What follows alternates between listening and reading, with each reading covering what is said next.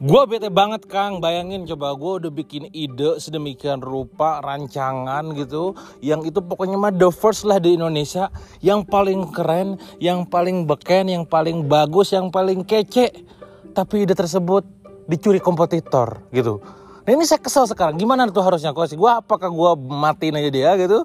Atau gue bunuh aja dia atau gimana nih gitu kan? Oke gini, gue nanya sekarang ke anda ya Kalau semua yang kayak gini nih Pertanyaannya adalah kenapa lu cuman sekedar bikin ide doang?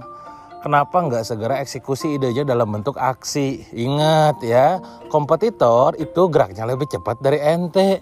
Yang salah siapa? Yang salah bukan kompetitor. Yang salah itu ente yang yang actionnya kelamaan.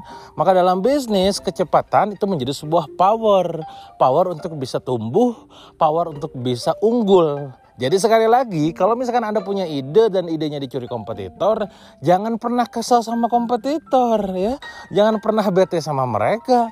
Ya mereka juga usaha gitu kan. Gimana caranya bisnis mereka bisa bertumbuh. Yang salah itu entenya. Kenapa pada saat bikin ide, curat-coret strategi, pada saat bikin produk yang brilian idenya itu kok kesuwen eksekusinya, kok kelamaan.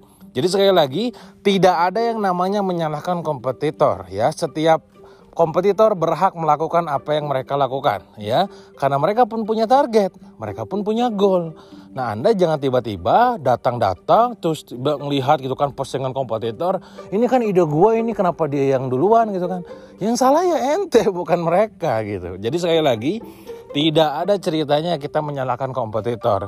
Lagian nih teman-teman, kalaupun misalkan katakanlah strategi kita di copy sama mereka, ya rancangan desain kita, blueprint kita di copy ablis, ablis ya, bukan abis lagi ablis ya, dicontek abis oleh kompetitor gitu.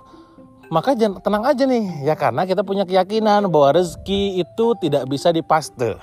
Strategi bisa di copy, rezeki tidak bisa dipastu. Ya, jadi teman-teman semua jangan pernah merasa bahwa ketika ide ada dicuri oleh kompetitor, ini adalah akhir dari segalanya. Ingat, bisnis kita ke depan itu tergantung kondisi kita. Kalau kita jatuh hanya gara-gara satu orang, maka apalagi ke depannya akan banyak orang, akan banyak tantangan yang akan kita hadapi maka pastikan di setiap bisnis tersebut, di setiap episode kehidupan dan bisnis tersebut, kita benar-benar bisa menjalannya dengan baik. Jadi sekali lagi, jangan pernah nyalahin kompetitor ya. Gak usah kesal lagi sama mereka. Yang salah siapa? Salah ente kesuaian actionnya.